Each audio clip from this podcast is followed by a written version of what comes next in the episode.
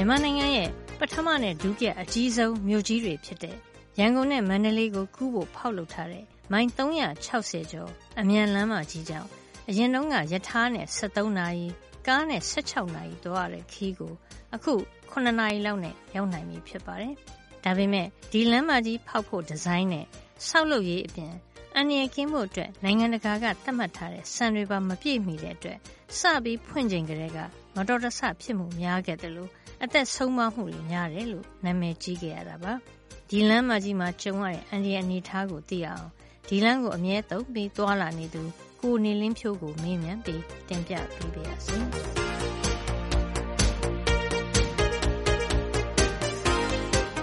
1954ခုနှစ် ဦးနုအစိုးရရဲ့ပြည်တော်သာစီမံကိန်းထဲမှာဒီမြို့ကြီးနှစ်မြို့ကိုဆက်သွယ်တဲ့လမ်းမကြီးဖောက်ဖို့စီစဉ်ခဲ့တာဖြစ်ပြီးအမေရိကန်ကအင်ဂျင်နီယာပိုင်းဆိုင်ရာကနဦးတိုင်းထွာမှုတွေလုပ်ပေးဖို့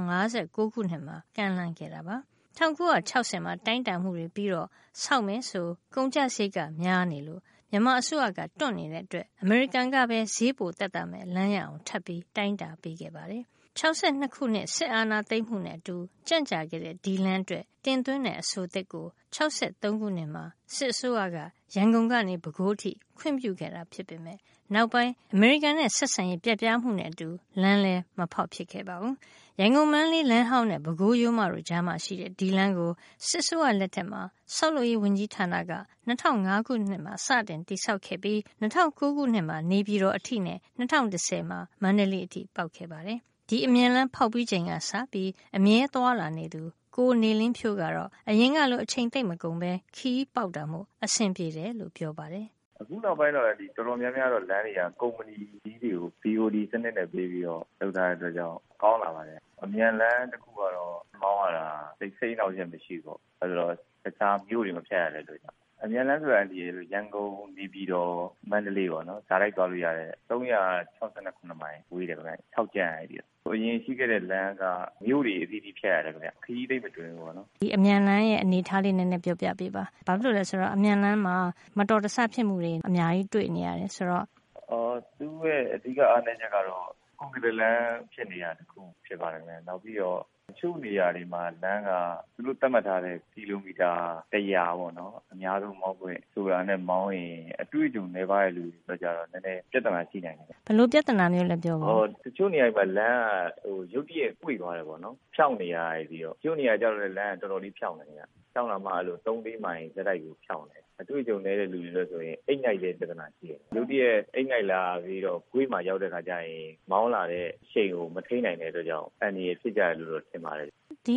လမ်းတွေဖောက်တဲ့ဥစ္စာပေါ့နော်အစိုးရကအတိအကျဘာမှထုတ်ပြန်တာမျိုးမရှိတော့ဘယ်လိုပုံစံမျိုးတွေနဲ့ဖောက်ကြလဲအမြန်လမ်းနဲ့ပတ်သက်ပြီးတော့ဘာတွေလုပ်တယ်ကိုင်းတယ်နည်းနည်းပြောပြပေးပါရန်ကုန်နေပြည်တော်ကိုအရင်ဆုံးဖောက်တယ်ခင်ဗျအဲ့လိုဖောက်တဲ့အချိန်မှာဆောက်လုပ်ရေးကဌာနတွေကို ခွဲပြီးတော့ပေးတယ်ခင်ဗျလုပ်ပိုင်ခွင့်ပေါ့နော်။အစိုးရအင်ဂျင်နီယာဌာနတွေကျနော်တို့လေယာဉ်ကွင်းအထူး၊လမ်းအထူးအဖွဲ့ဘယ်လောက်ဘယ်လောက်ပေါ့နော်။နောက်တံတားအထူးအဖွဲ့ဘယ်လောက်ဘယ်လောက်ဆိုပြီးတော့တဖွဲ့ကိုဘယ်နှစ်မိုင်ဘယ်နှစ်မိုင်ဆိုကြပါစို့အဲလိုမျိုးပေးပြီးတော့ရန်ကုန်-နေပြည်တော်ကိုအရင်ဆုံးဖောက်ခဲ့တယ်ခင်ဗျ။အဲဒီလမ်းကြီးကိုအသုံးပြုခွင့်ပေးပြီးတော့မှနေပြည်တော်နဲ့မန္တလေးကိုဆက်ဖောက်တယ်ခင်ဗျ။ဒီရန်ကုန်-နေပြည်တော်ဖောက်ခဲ့တဲ့အချိန်မှာပုဂ္ဂလိကကုမ္ပဏီပါခဲ့တယ်လို့တော့မကြားဘူးခင်ဗျ။ အားလုံးက ဆောက်လုပ်ရေးက အဖွဲ့တွေပဲ ဖောက်ကြတာခင်ဗျ။အရင်အစိုးရလက်ထက်မှာ ဒီလမ်းတံတားဖောက်တာတွေနဲ့ ပတ်သက်ပြီးတော့ လာဘ်စားမှုတွေ ဘာတွေလည်း အများကြီးရှိတယ်လို့ သိရတယ်ပေါ့နော်။ဆိုတော့ လမ်းတံတားမှာ ဘာများသက်ရောက်မှုတွေ တွေ့ရလဲ။တချို့လမ်းပိုင်းလေးတွေက တော်တော်ကောင်းတယ်ခင်ဗျ။တချို့လမ်းပိုင်းကျတော့လည်း တော်တော်လေးကို လှိုင်းဖြစ်တာ